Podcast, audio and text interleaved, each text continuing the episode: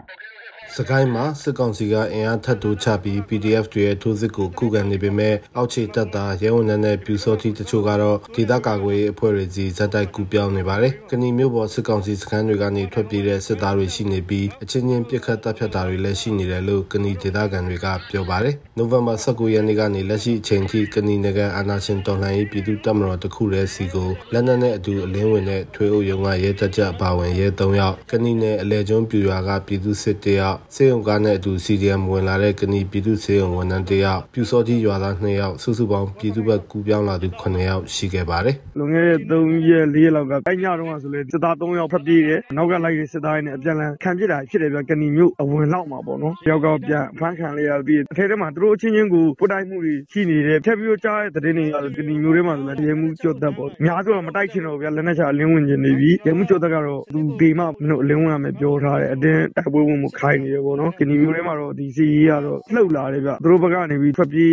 ညားလာတော့ပေါ့နော်နည်းနည်းတော့မြို့အဝင်ကြီးကြက်လာတဲ့ဒီနေ့ကတော့ ပြည်တွင်းမှာ PDF တွေကစစ်ရေးအရအသာစီးယူလာနိုင်တယ်လို့နိုင်ငံတကာတန်တမန်အတိုင်းဝိုင်းမှာလည်းအမျိုးသားညီညွတ်ရေးအစိုးရ NUG ဟာစစ်ကောင်စီကိုဖိအားပိုပေးနိုင်တဲ့အခြေအနေဖြစ်လာပါတယ်။ဒီဇင်ဘာ10ရက်နေ့မှာမြန်မာစစ်တပ်အရာရှိအရာခံတွေနဲ့တပ်သားတွေအားလုံးမြန်မာပြည်သူတွေဘက်ကိုကူပြောင်းကြဖို့တီမောလက်စတေးနိုင်ငံသမ္မတဂျိုဆေရာမို့စ်ဟော်တာကအမျိုးသားညီညွတ်ရေးအစိုးရရဲ့ Public Voice Television ကနေဗီဒီယိုသတင်းစကားပြောဆိုခဲ့ပါတယ်။ To silence the guns to lay down arms အပြက်ခတ်ရဖို့လက်နက်ချဖို့တနက်တွေကိုစက်တန်းရမှပဲပြန်ထားဖို့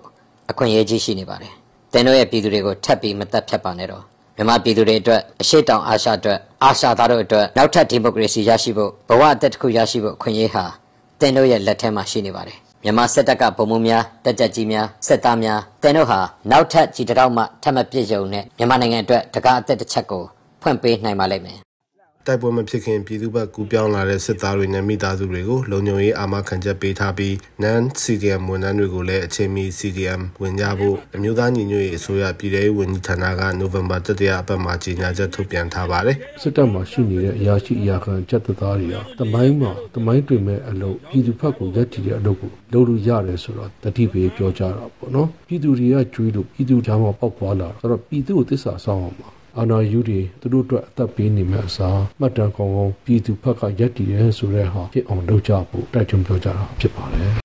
ကစ်တုံညာနှစ်ခွန်စစ်စင်ရေးစတင်ပြီးအောက်တိုဘာလကုန်ပိုင်းကနေရက်40ကျော်ကာလအတွင်းဒီဇင်ဘာ10ရက်နေ့အထိစစ်ကောင်စီနဲ့လောက်ခံဖွဲ့တွေစီကနေလက်နက်ချအလင်းဝင်လာသူစုစုပေါင်း600ကျော်အထိရှိခဲ့ပါတယ်။နိုင်ငံတော်ဝန်အကြမ်းမဖက်အာဏာဖီဆန်ရေးလှုပ်ရှားမှု CDM မှာပါဝင်တဲ့ရဲတပ်ဖွဲ့နဲ့စစ်တီအရေးအတွက်တထောင်ကျော်အထိရှိနေတယ်လို့ NUG ကာကွယ်ရေးဝန်ကြီးဌာနစီးရင်တွေကဖော်ပြပါတယ်။ကျွန်တော်တုတချန်တာပါ။